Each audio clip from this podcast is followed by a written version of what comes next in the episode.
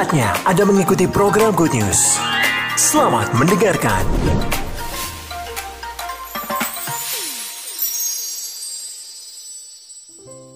Shalom. Haleluya. Saya percaya kita semua ada dalam penyertaan Tuhan yang luar biasa. Dan hari ini kita akan kembali memfokuskan perhatian kita akan pemberitaan firman Tuhan dan masih ada di dalam bulan keluarga. Mari kita juga akan memfokuskan uh, pembelajaran kita, perhatian kita, bagaimana kita bisa membangun keluarga yang mengandalkan Tuhan. Ya, saya beri judul itu Bapak Ibu Saudara hari ini. Karena saya percaya dalam pengiringan kita, dalam membangun rumah tangga, membangun keluarga, bahkan untuk anak-anak muda yang dengar ini mempersiapkan diri untuk nantinya punya keluarga atau menjadi bagian dari keluarga, ya, apakah kita ini istri, suami, anak, orang tua, ya, papa, mama. Saya percaya Bapak Ibu Saudara, sering kali kita menghadapi konflik-konflik ya permasalahan. Tadi malam saya sampaikan kepada anak-anak muda, saya tanya kepada mereka berapa banyak dari mereka yang tidak pernah berkonflik ya sama anggota keluarga yang lain dan tidak ada satupun yang berani mengangkat tangan. Kenapa? Karena dalam perjalanan kita ya yang belum sempurna ini pasti ada konflik, pasti ada masalah. Tapi bagaimana hari ini kita bisa melihat dari sudut pandang Allah bagaimana keluarga yang seharusnya, bagaimana kita membangun keluarga yang terus mengandalkan Tuhan. Nah, Bapak Ibu, mari kita baca di dalam Mazmur pasal yang ke-127 ayat yang pertama sampai ayat yang kelima. Cuman lima, lima ayat saja. Saya minta Bapak Ibu juga membacanya bersama-sama. Demikianlah firman Tuhan. Satu, dua, tiga. Nyanyian siara Salomo Jikalau bukan Tuhan yang membangun rumah, sia-sialah usaha orang yang membangunnya. Jikalau bukan Tuhan yang mengawal kota, sia-sialah pengawal berjaga-jaga. Sia-sialah kamu bangun pagi-pagi dan duduk-duduk sampai jauh malam dan makan roti yang diperoleh dengan susah payah sebab ia memberikannya kepada yang dicintainya pada waktu tidur. Sesungguhnya anak-anak lelaki adalah milik pusaka daripada Tuhan dan buah kandungan adalah suatu upah. Seperti anak-anak panah di tangan pahlawan, demikianlah anak-anak pada masa masa muda. Berbahagialah orang yang telah membuat penuh tabung panahnya dengan semuanya itu. Ia tidak akan mendapat malu apabila ia berbicara dengan musuh-musuh di pintu gerbang. Yang percaya katakan amin.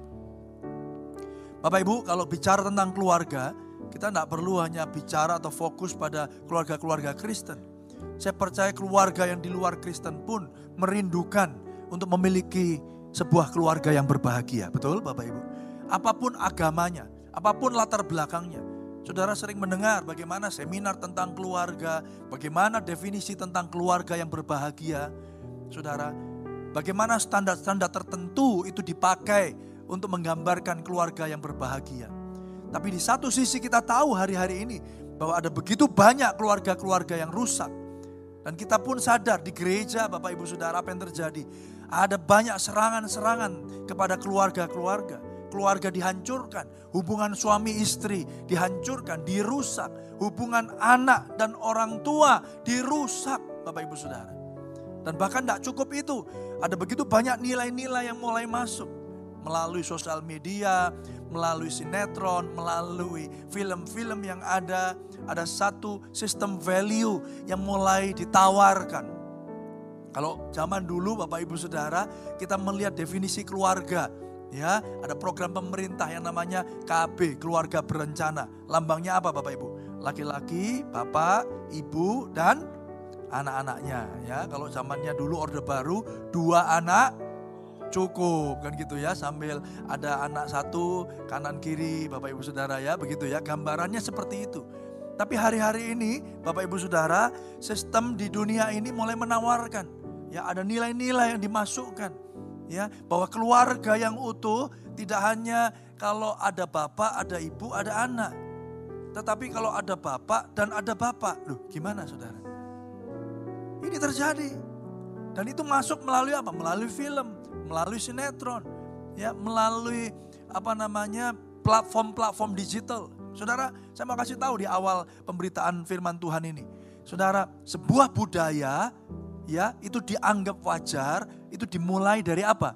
Dari set of value, dari sebuah nilai-nilai yang ditaburkan, yang ditanamkan. Ya, nilai-nilainya dimasukkan dulu. Setelah nilai-nilainya ada, masuk pelan-pelan, saudara. Kita anggap itu hari ini hiburan kan?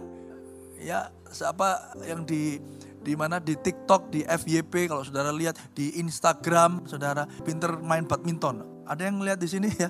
Oh nggak ada, ya baguslah saudara. Saudara tidak terpengaruh oleh pengaruh-pengaruh dunia ya. Atau ada yang ngerti tapi nggak mau ngaku ya nggak apa-apa juga saudara ya. Ya pakai rok saudara ya lalu padahal laki-laki ya pakai rok lalu main badminton. Badmintonnya jago saudara. Ya buat lucu-lucuan begitu saudara ya. Tapi pelan-pelan itu dimasukkan sistem nilai itu. Sehingga ketika kita melihat hari ini, kita lihatnya sebagai seolah-olah itu entertain, hiburan. Tapi ketika nilai-nilai itu, saudara, sudah mulai diterima dalam dalam society, dalam sebuah komunitas tertentu, nilai-nilai itu akhirnya menjadi sebuah budaya yang baru. Ya, sebuah budaya yang baru. Bapak Ibu. Seperti apa? Seperti smartphone yang ada hari ini. Ya dulu nggak ada pengumuman kan di gereja gitu ya. E, ibadah mau dimulai biasanya di beberapa gereja di mana saya diundang ada peringatan ya tolong ya handphonenya di silent. Zaman dulu nggak ada saudara. Karena zaman dulu nggak ada handphone, benar nggak Bapak Ibu Saudara? Yang ada dulu telepon umum dan nggak mungkin jemaat datang ke gereja bawa box telepon umum, kan begitu Saudara ya? Tolong yang bawa telepon umum ditinggal dulu di luar. Kan gak ada saudara. Gak ada pengumuman itu. Kenapa sekarang pengumuman itu ada? Karena kita percaya sekarang nilai-nilainya bahwa dulu telepon telepon itu jarang ya akses nggak accessible-nya. Saudara sekarang itu ada di tangan kita, ada di tas kita, di kantong kita. Dan itu jadi budaya keseharian kita bukan? Nah, jadi sesuatu yang dianggap wajar. Demikian juga dengan nilai-nilai keluarga. Oleh karena itu kalau kita nggak sadar hari ini Bapak Ibu Saudara maka kita akan dengan mudah terombang ambingkan. Oleh karena itu saya beri judul membangun keluarga. Di situ dikatakan apa Saudara? Yang bergantung atau mengandalkan Tuhan. Bukan mengandalkan pikiran kita. Mengandalkan kekuatan kita sendiri. Banyak hari ini saudara orang tua karena memang tidak ada sekolahnya mengajar dan mendidik anak-anaknya berdasarkan apa? Berdasarkan perlakuan yang dia terima dari orang tua mereka. Betul nggak Bapak Ibu Saudara? Benar kan? Saya didik anak saya seperti ini karena dulu ayah saya melakukannya kepada saya. Jadi hari ini aku melakukannya kepada kamu dan nanti akhirnya anak saya atau anak kita melakukannya kepada anak-anaknya. Betul nggak Bapak Ibu? Jadi Bapak Ibu Saudara, kenapa kita perlu membangun sebuah keluarga yang mengandalkan Tuhan? Sekali lagi, dasarnya, fondasinya bukan pengalaman kita pribadi, bukan sesuatu yang kita anggap benar, tetapi apa yang dikatakan firman Tuhan. Yang percaya katakan amin. Nah, oleh karena itu gereja hadir, gereja ada dan gereja rindu supaya setiap kita menjadi menjadi murid Kristus yang diajar, yang belajar. Saudara yang dikasih Tuhan, kalau pertumbuhan, kondisi pertumbuhan rohani saudara tidak bertumbuh, maka kita nggak jadi murid Kristus. Oleh karena itu kenapa hari ini ada premarital class? Kenapa sih Pak harus ada 10 kali persiapan pernikahan? Saya mau katakan karena apa? Karena itu penting yang percaya katakan amin. Segala sesuatu yang diulang-ulang itu selalu penting. Mama-mama di sini ya, setiap hari bisa jadi kita ingatkan anak kita jangan lupa sarapan. Jangan lupa ayo mandi, betul nggak Bapak Ibu Saudara? Di sini ada mama-mama masih mengingatkan begitu, benar ya? Ayo diminum susunya, dimakan sarapannya, dihabiskan.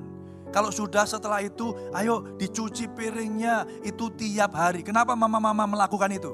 Kenapa papa-papa melakukan itu? Karena itu dianggap penting. Jadi kalau di gereja pun segala sesuatu yang terus diulang, jangan bosan. Itu sedang mengirimkan pesan sesungguhnya kepada setiap saudara bahwa apa yang diulang itu penting. Halo, sempurna, berubah, prosesnya Saya akan terus melakukannya sampai saudara bosan pun saya tetap mengulanginya. Karena itu penting. Karena kehidupan kekristenan kita harus terus bertumbuh ke arah Kristus. Sampai kita ditemukan tak bercacat dan tak bercela di hadapan Tuhan. Ayo beri tepuk tangan yang meriah bagi Tuhan kita. Amin saudara. Nah oleh karena itu kenapa keluarga begitu penting. Kenapa ada premarital class? Nanti kenapa di SCM Kids mengadakan parenting session, parenting seminar? Saudara kalau saudara mulai perhatikan hari-hari ini, saudara ada interconnected, ada keter keterkaitannya dari satu program gereja lain, satu kepada program gereja yang lain. Nanti tim pengajaran ya doakan di uh, sebelum akhir tahun ini melaunching program lagi proses perjalanan seorang murid Ribet banget sih Pak ikut Tuhan Yesus. Ya, karena keselamatan gratis. Engkau menerimanya oleh anak anugerah, kasih karunia. Yesus mati bagimu dan memberikan keselamatan itu bagi setiap saudara. Tapi mengikut Kristus kita harus bayar harga. Yang percaya katakan amin. Dan bagaimana caranya? Belajar. Nanti ada proses pelajarannya, masuk ke kelas-kelas Bapak Ibu Saudara. Tapi untuk itulah kita ada, kita ditebus. Firman Tuhan katakan, sangkal diri, pikul salib, ikut aku. Jadi kehidupan bergereja itu bukan sesuatu yang begini, yang nyaman buat saudara, bukan. Memang tidak nyaman. Dan proses pertumbuhan itu selalu ciri khasnya tidak membuat kita nyaman. Kenapa? Karena saudara otot-ototnya terus di stretch. Bener nggak Bapak Ibu? Bapak-bapak, ibu-ibu yang ngejim, nyaman nggak kira-kira? Ya, angkat barbel itu berat nggak? Ah enteng pak, saya cuma ambil yang setengah kilo. Masa setengah kilo gini terus gini? Yang penting pokoknya di gym itu saya ngobrol-ngobrol pak gitu. Ya enggak, pasti nanti trainernya eh pak bu angkat yang lebih berat, lebih berat. Pas ngangkat, buang nafas, tarik nafas. Kemeng enggak? Kenapa besok pergi lagi ke gym? Karena percaya latihan itu ada gunanya. Betul nggak Bapak Ibu? Makanya firman Tuhan katakan latihan badan itu terbatas gunanya. Tapi kalau badan kita aja perlu dilatih, apalagi manusia rohani kita, manusia batiniah kita. Nah sekarang rajin nge-gym saudara, tapi kalau ikut kelas pengajaran malas. Kenapa? Saudara. Apa Pak buat apa fungsinya? Yang penting pokoknya kan saya ke gereja. Yang penting kan saya sudah dengar firman, saya beribadah, selesai. Saudara, sudah perlu juga melatih otot-otot saudara. Yang percaya katakan amin.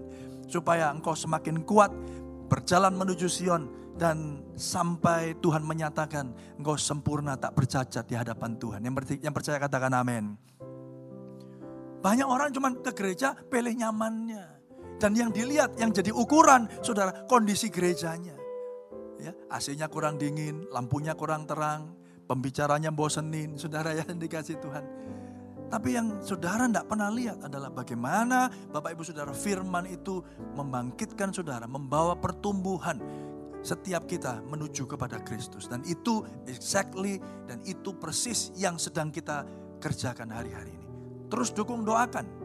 Siapa yang mau doakan Bapak Ibu Saudara gereja ini terus bertumbuh dan melalui program ini, melalui kehidupan ini Saudara ya kita semua bertumbuh bersama-sama menuju kepada keserupaan Kristus. Nah kembali kepada keluarga. Apa yang terjadi saudara? Di Mazmur 127 tadi kita lihat Bapak Ibu Saudara. Ini adalah bagian di mana uh, Mazmur 120 sampai Mazmur 134 itu bagian dari Mazmur pendakian. Artinya apa? Ini dipakai dulu waktu zaman Israel kuno untuk jemaat ketika mereka mau siarah ke Yerusalem, mereka mengutip ya Mazmur-Mazmur ini dari 120 sampai 134. Kenapa kok dikatakan apa Mazmur pendakian? Karena posisi Israel itu ya ketinggiannya lebih tinggi daripada di sekitarnya. Jadi ketika mereka berjalan Mereka sedang mempersiapkan hati mereka untuk beribadah kepada Allah di Yerusalem dan dalam proses perjalanannya Bapak Ibu Saudara mereka membaca Mazmur-Mazmur ini. Mazmur pendakian dari 120 sampai 134. Itu juga mengajarkan apa kepada kita?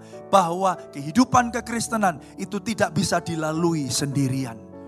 Mereka butuh teman seperjalanan. Mereka butuh teman yang lain untuk berjalan bersama-sama. Saling mendorong, saling mendukung dalam perbuatan dan pekerjaan yang baik.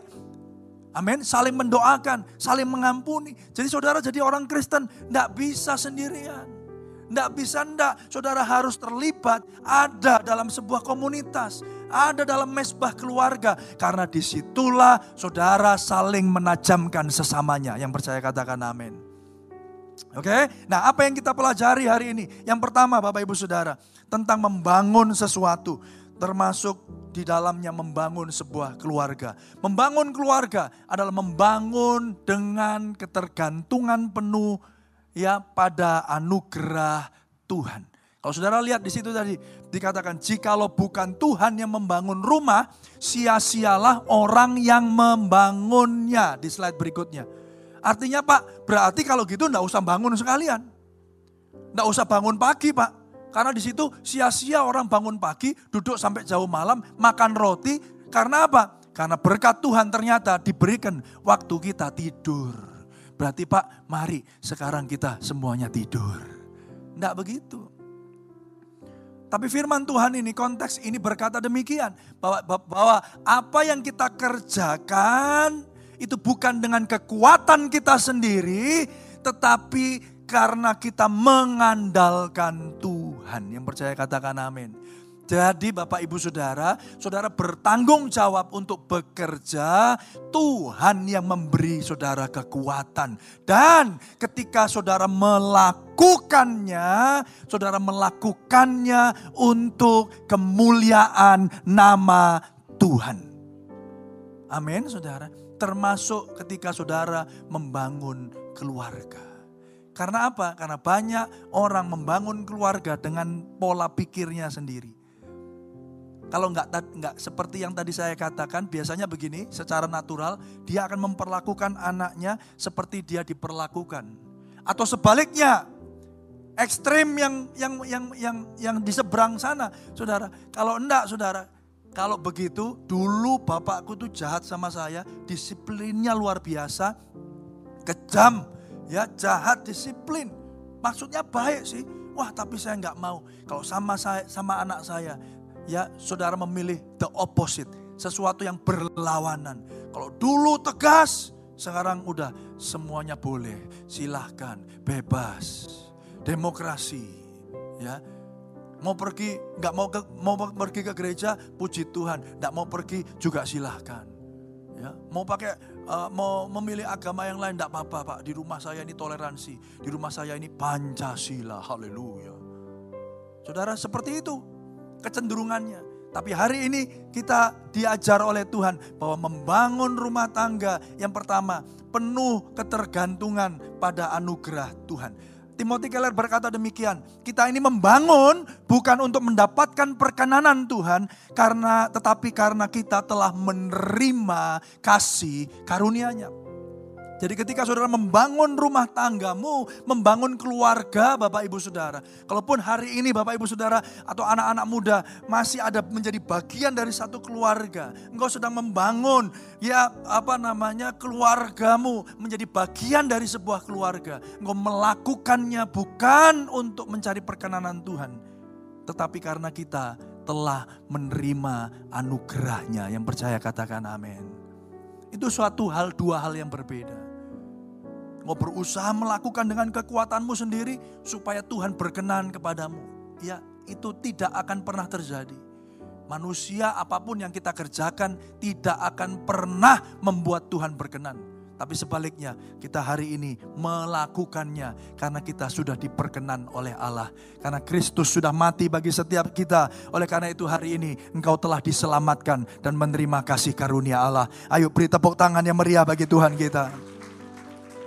Saudara, oleh karena itu kesimpulan di poin yang pertama ini saya menuliskan demikian. Jadi upaya kita dalam membangun keluarga kita menemukan makna sejati dan dampak yang bertahan lama ketika kita sejalan dengan kehendak dan tujuan Allah. Hari ini mari kita ber, bertanya kepada diri kita sendiri. Kalau saudara suami, saudara bertanya sebagai seorang suami, sebagai seorang ayah. Kalau saudara seorang ibu, seorang istri, seorang anak. Kalau apalagi sekarang, kalau hari ini saudara punya peran sebagai orang tua, tanya Apakah keluargaku sudah sejalan dengan kehendak dan tujuan Allah? Apakah keluargaku hari ini sudah dan sedang mempermuliakan nama Tuhan? Ya, Bapak Ibu Saudara. Ini pertanyaan yang sangat penting. Saudara yang dikasih Tuhan. Yang kedua, Bapak Ibu Saudara, bagi orang tua sekarang, menjadi orang tua itu adalah anugerah. Sama-sama katakan anugerah. Loh Pak, kalau saya belum punya anak, saya nggak punya anak Pak sekarang. Saya mau katakan Bapak Ibu Saudara, bukan hanya anak-anak jasmani, tetapi anak-anak rohani, kekristenan. Setiap orang Kristen harus menghasilkan murid. Harus, harus menghasilkan anak rohani. Saudara menjadi bapak bagi generasi berikutnya.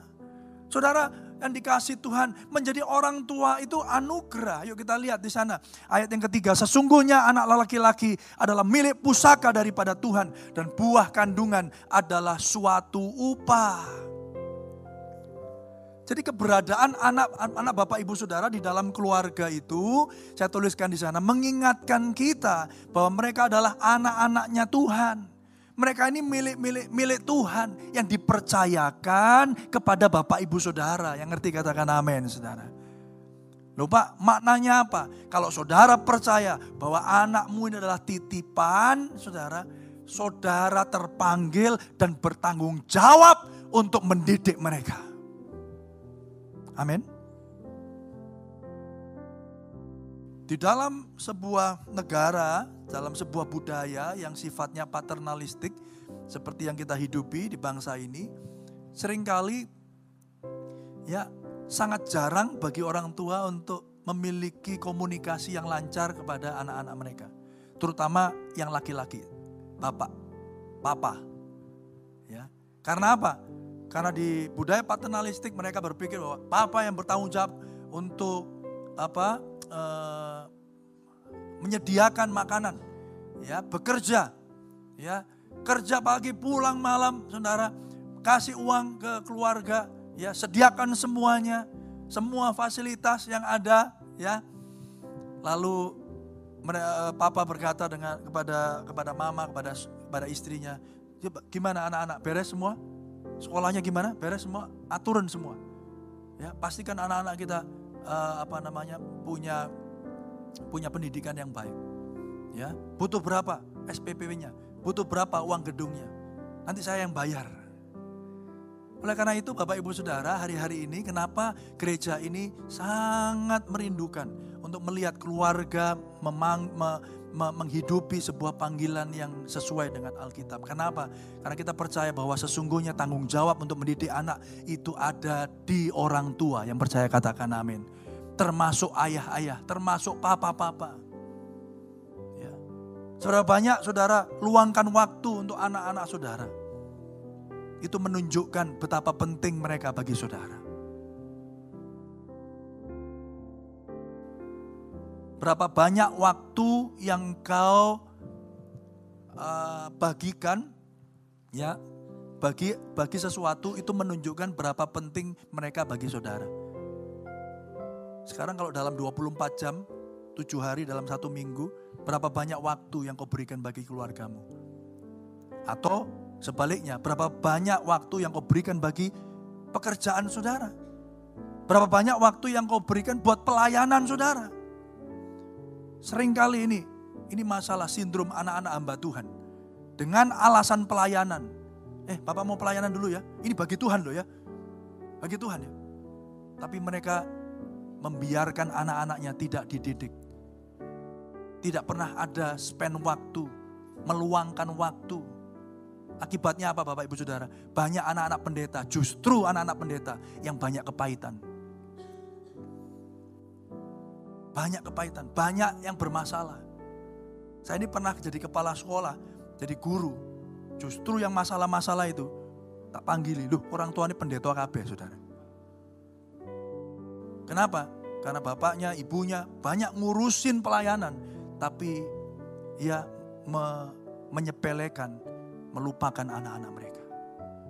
Ya, oleh karena itu ini penting. Ini penting sekali saudara. Ya, jadi keberadaan anak-anak mengingatkan bahwa kita, bahwa kita, bahwa mereka adalah anak-anak Tuhan yang yang Tuhan percayakan bagi kita.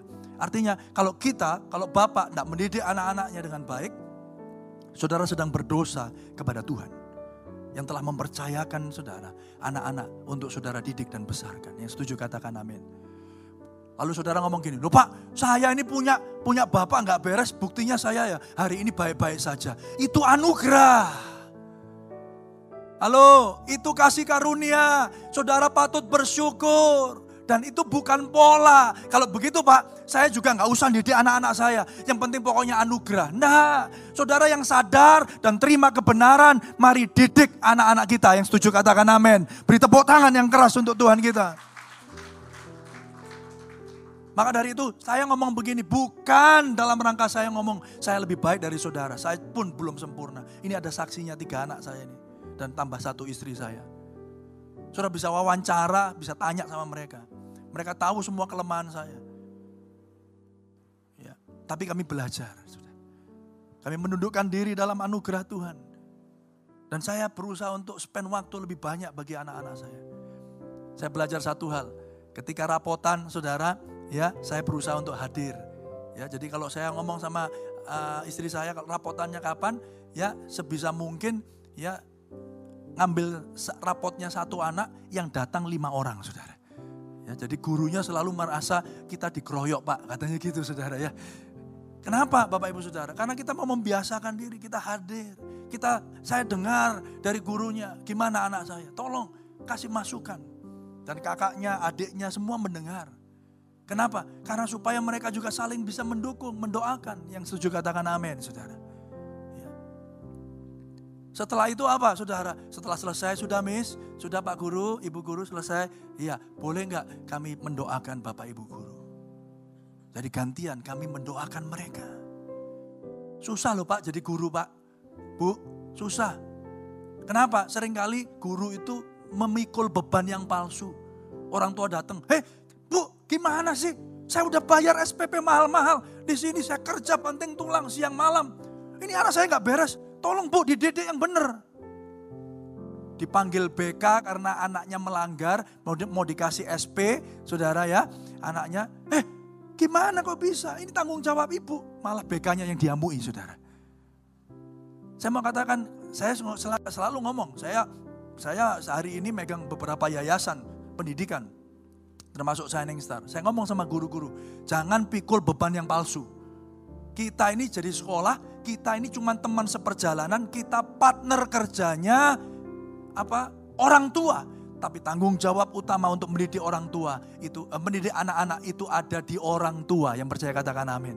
Sekolah, guru sekolah minggu, kita ini cuma teman seperjalanan. Kita ini supporter. Ayo Pak, ayo Bu, semangat Bu. Ayo Bu, kita bantu didik anak Bapak Ibu. Kita doakan. Amin Saudara.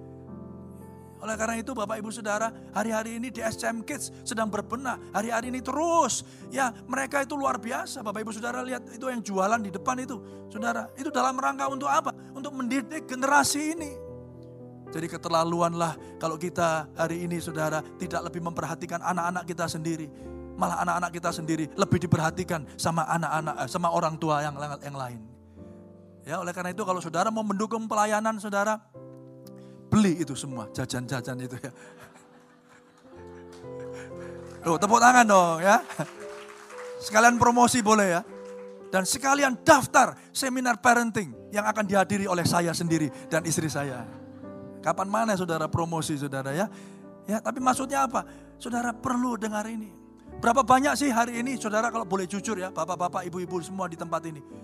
Waktu bapak ibu sekolah, waktu rapotan, siapa yang sering kali datang? Jangan sampai dianggap, jangan sampai ngomong gini, Pak yang datang dulu suster saya gitu ya. ya ART saya. Loh saya sendiri loh Bu, ya dengan segala keterbatasan dan keterbukaan kepada Bapak Ibu Saudara. Ya sekarang saya punya anak tiga. Pengalaman saya, saya kalau sepanjang se, pengingatan saya saudara, hampir-hampir nggak pernah Bahkan bapak saya datang terus ketemuin guru, duduk gitu, nerima rapot, gak pernah saudara. Karena itu dianggap budaya yang biasa. Ya, ya biasanya ibu, gitu. Apalagi kalau udah SMP, SMP negeri, SMA negeri, budal dewe saudara ya.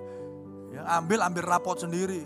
Mana bapakmu? Oh gak ada, sibuk. Ya udah langsung dibagi gitu, pulang gitu. Kasih ini, ini rapotnya sudah. Hari ini kita mau saudara investasikan waktu sesuatu yang kau anggap penting, saya mau katakan begini, engkau pasti mau berkorban untuknya. Hari ini kalau saudara mati-matian bahkan mau meninggalkan saudara keluarga, mau meninggalkan gereja, apa pelayanan, ibadah hanya demi apa uh, masukkan proposal misalnya ke pekerjaan, saya nggak nyalakan itu. Tetapi kalau itu terus terjadi Bapak Ibu Saudara, anak saudara akan lihat begini. Oh berarti pekerjaan papaku itu jauh lebih penting daripada hidupku. Bisa nggak kira-kira anak mengambil kesimpulan itu saudara? Sangat bisa dan memang mereka mengambil kesimpulan seperti itu. Oleh karena itu hari ini Bapak Ibu Saudara mari bangkit, mari andalkan Tuhan. Saya mau berkata begini, kita nggak bisa dengan kekuatan kita sendiri jadi papa yang baik, jadi ibu yang baik. Kita butuh Tuhan. Kita butuh Tuhan. Dan berkata Tuhan kau yang sudah percayakan kepadaku. Tuhan aku butuh kekuatan. Tanya anak-anak saya, saya selalu berdoa. Bapakmu ini bukan bapak yang terbaik. Saya berdoa dengan istri saya. Tuhan mampukan kami untuk menjadi orang tua yang baik buat anak-anak kami. Amin, Bapak Ibu Saudara. Saudara yang dikasih Tuhan, Saudara, berikutnya ayo kita lihat Bapak Ibu cepat waktunya uh, terbatas. Saudara, yang berikutnya sebagai orang tua kita memiliki hak istimewa dan tanggung jawab untuk mengasuh dan membimbing anak-anak kita. Kita ini punya hak istimewa Bapak Ibu. Saudara, ini kesempatan. Saudara mungkin berkata, Pak anakku segerang, Pak wis gede telat. Enggak, enggak ada kata terlambat. Yang percaya katakan amin. Saudara. Paling tidak bagi generasi ini. Saudara, Gereja membuka kesempatan bagi Bapak Ibu untuk anak-anaknya dididik, diajar sungguh-sungguh, dimuridkan. Kita ini sekarang punya Unity Kids loh Bapak Ibu. Ya, MK, tapi untuk percil-percil. Lah, saudara. Supaya apa? Supaya mereka ketika mereka beranjak dewasa, mereka udah biasa dengan posisi itu, dengan wadah itu, dengan komunitas itu. Bahwa kekristenan ya begini ini, kekristenan itu ya dimuridkan, kekristenan itu saling menundukkan diri, saling mengasihi, saling apa namanya menegur satu dengan yang lain, saling memberikan pengampunan. Amin Bapak Ibu Saudara. Oleh karena itu mari dukung selalu ya, mari terlibat di dalamnya terlibat. Nah, Bapak Ibu Saudara, ayat 45 dikatakan demikian. Seperti anak panah di tangan para pahlawan, demikianlah anak-anak pada masa muda. Saudara kita sering berpikir pahlawan itu kita, bukan. Pahlawan itu Tuhan karena anak-anak kita ini milik Tuhan yang percaya katakan amin. Jadi tugas kita, anak-anak kita itu seperti anak panahnya. Jadi berbahagialah orang yang telah membuat penuh tabung panahnya panah dengan semuanya itu. Jadi tugas kita mengasah, mendidik, mengajar, membesarkan anak-anak kita. Supaya pada waktunya nanti mereka seperti anak panah di tangan Tuhan. Dan akan dilesatkan dengan busurnya Tuhan dan mereka akan melesat, mereka akan hidup, menghidupi hidup mereka, menggenapi setiap rencana Allah dalam hidup mereka. Hidup mereka mempermuliakan Tuhan. Jangan gini, Saudara nggak pernah ngajari, saudara nggak pernah jadi teladan, saudara nggak pernah minta ampun, saudara nggak bisa nggak pernah berdoa sama anak-anakmu. Lalu anak-anak saudara ternyata melakukan kesalahan, membuat saudara malu. Akhirnya apa yang terjadi? Akhirnya bapaknya marah, bapaknya hajar anaknya. Kalau anak itu bisa berteriak kepada saudara, dan kalau mereka berani ngomong sama saudara, mereka akan ngomong gini, "Eh, di mana kamu? Di mana kamu selama ini? Kamu nggak pernah kasih aku apa pendidikan, nggak pernah ngajarin aku. Saya pernah saksi kan? Saya pernah ngadepi anak murid saudara, dia mencuri uang kelas. Saudara, sekolah di mana saya melayani itu bukan sekolah yang anak-anaknya, mohon maaf, secara ekonomi mereka mampu. Mencuri uang 1,2 juta. Saya nanya, saya integrasi, itu sampai semua sekolah, apa semua anak kelas itu tidak boleh saya pulangkan. Jadi hampir sampai setengah enam sore. Saya bilang, pintu keluar tutup semua. Oh, jadi digeledah satu-satu. Ngerepoti banyak orang, saudara. Guru tidak bisa pulang, murid-murid tidak bisa pulang. Akhirnya ketahuan satu orang ini. Saya bilang, kenapa kamu? Kamu butuh buat apa? Kok nggak bilang sama Pak Erlangga? Apa jawabannya? Sengaja Pak. Loh, kenapa? Biar nanti kalau begini saya ketahuan, kan Bapak nanti manggil Papa saya tuh. Biar Papa saya tahu. Biar Papa saya memperhatikan saya. Bayangin saudara. Dia melakukan kejahatan hanya supaya mencari perhatian papanya. Dan kalau sudah begitu papanya datang, kamu tuh nih malu-maluin aja, kamu nih gak ngerti, ini kan nama baik papa tercoreng. Kalau dia bisa teriak Bapak Ibu Saudara, dia akan katakan, di mana selama ini engkau? Dan banyak kasus seperti ini saya mau katakan banyak. Saudara tidak mau akui, tidak apa-apa. Tapi saya tahu itu ada dalam setiap keluarga. Kalau gereja tidak menyatakan kebenaran ini, kita akan kehilangan generasi yang akan datang. Dan sering kali begini, mohon maaf, mohon maaf nih Bapak Ibu, saya termasuk juga generasi yang senior. Seringkali sekarang saya juga ngomong sama sama istri saya, duh ah, anak-anak zaman sekarang itu nggak ngerti ya, duh nggak ngerti sopan santun.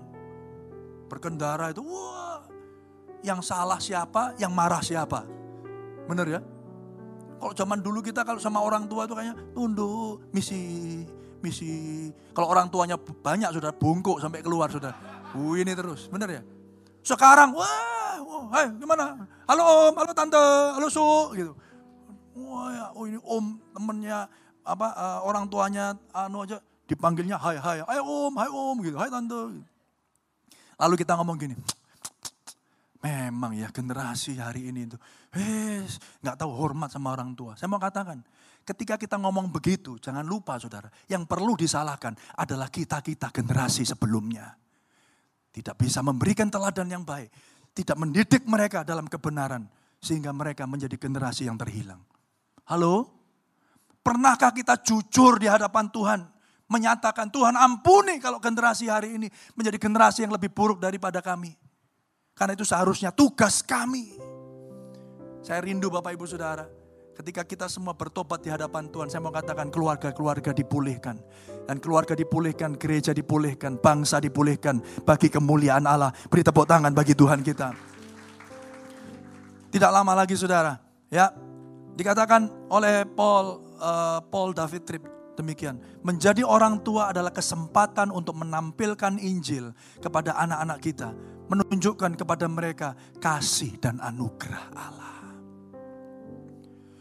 Biarkan mereka tahu bahwa orang tuanya pun tidak sempurna, tapi orang yang tu, orang tua yang tidak sempurna itu ditopang, dipelihara oleh kuasa Injil.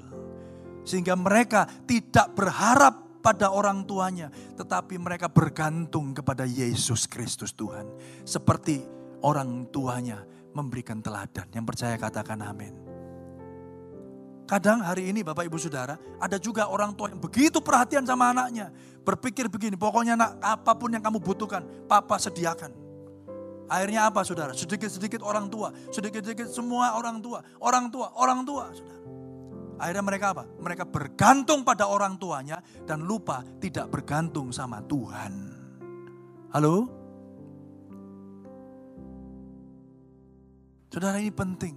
Ada begitu banyak lagi saudara uh, apa namanya pelajaran di dalam bulan keluarga ini saudara. Saya tidak punya cukup banyak waktu Bapak Ibu Saudara. Tapi saya berdoa kiranya melalui pemberitaan firman Tuhan hari ini.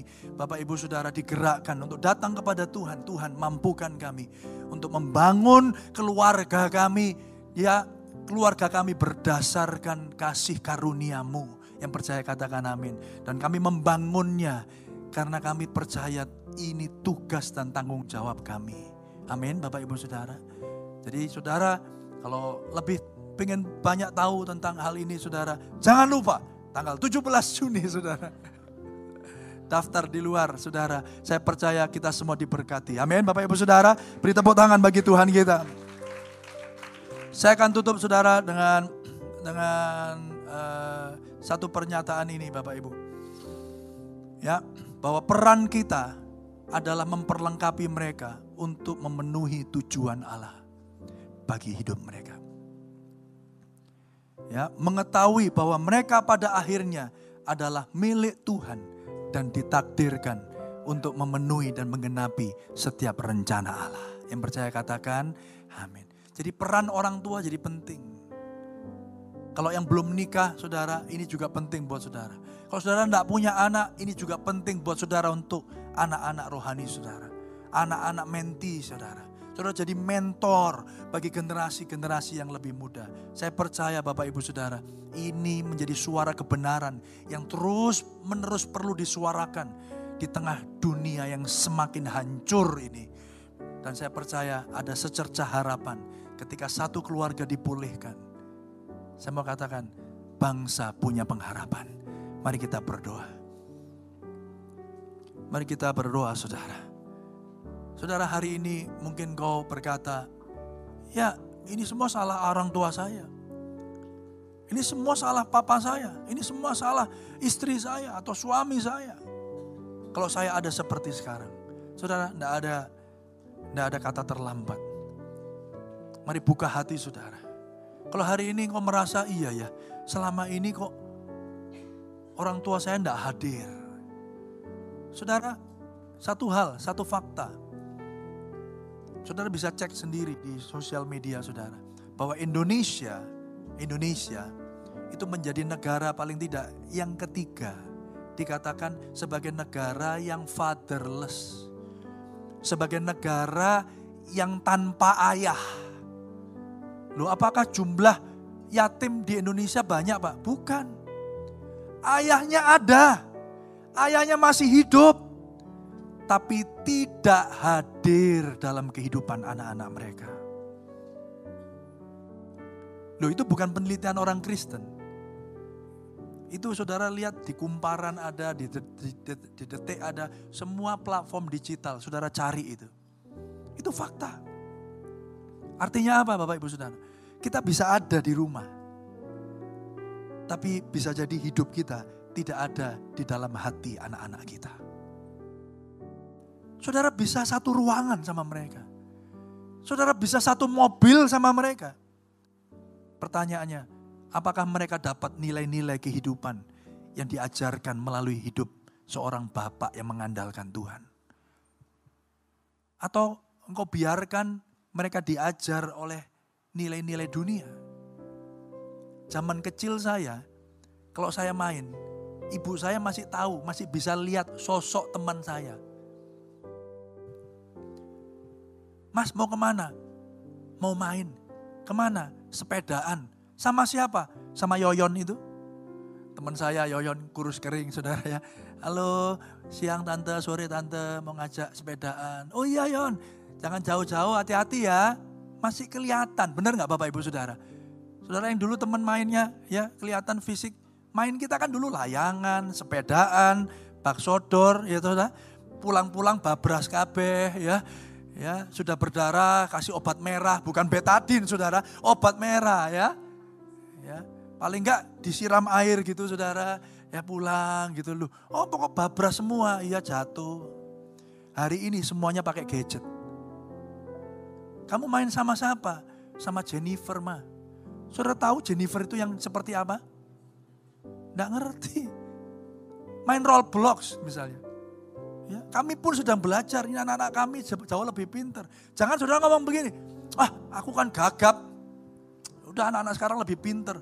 Lalu saudara membiarkan mereka dimuridkan dengan gadget-gadget yang ada. Anak sekarang kelas uh, umur 10 tahun, umur 9 tahun sudah punya handphone, sudah punya Instagram. Sudah punya TikTok. Biarin Pak daripada ngerepoti. Lalu saya lihat anaknya.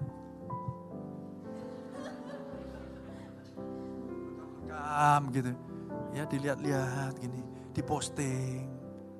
Saudara, ada aturannya. Orang yang bukan dalam gereja aja ngerti di sana itu. Instagram itu minim berapa? 13 tahun. Ini anak-anak saya boleh nanya nih. Mereka ini anak yang paling kecil ini saudara belum 12 tahun.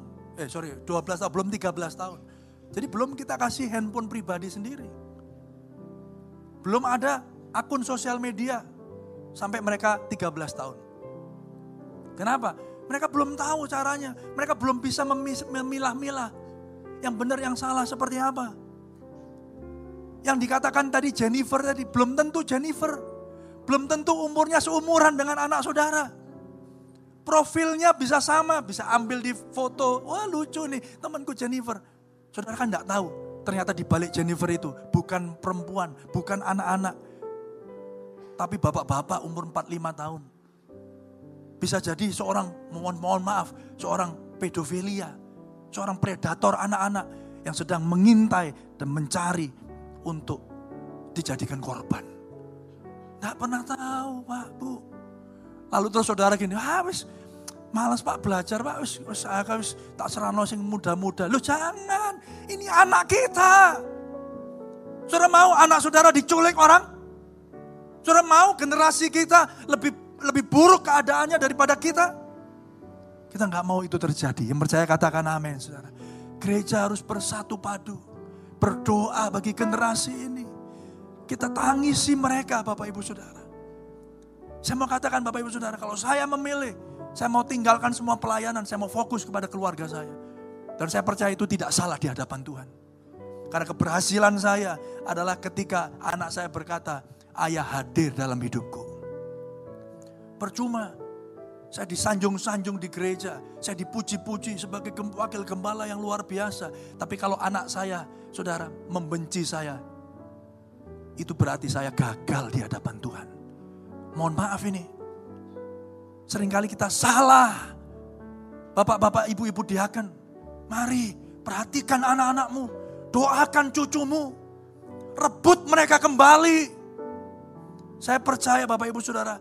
Apa yang terjadi dalam keluarga kami pun. Itu karena kakek, nenek, eyang putri, eyang kakung kami berdoa buat anak-anak cucu kami.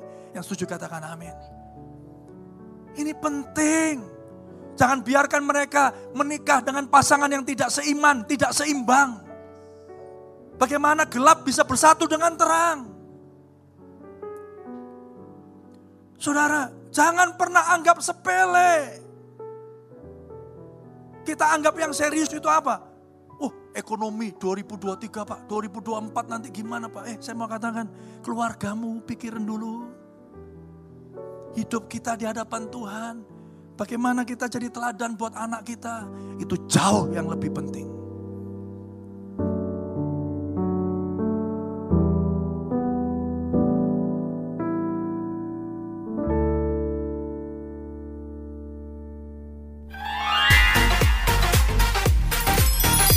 Terima kasih untuk Anda yang sudah mendengarkan program Good News yang dipersembahkan oleh Radio Sejahtera.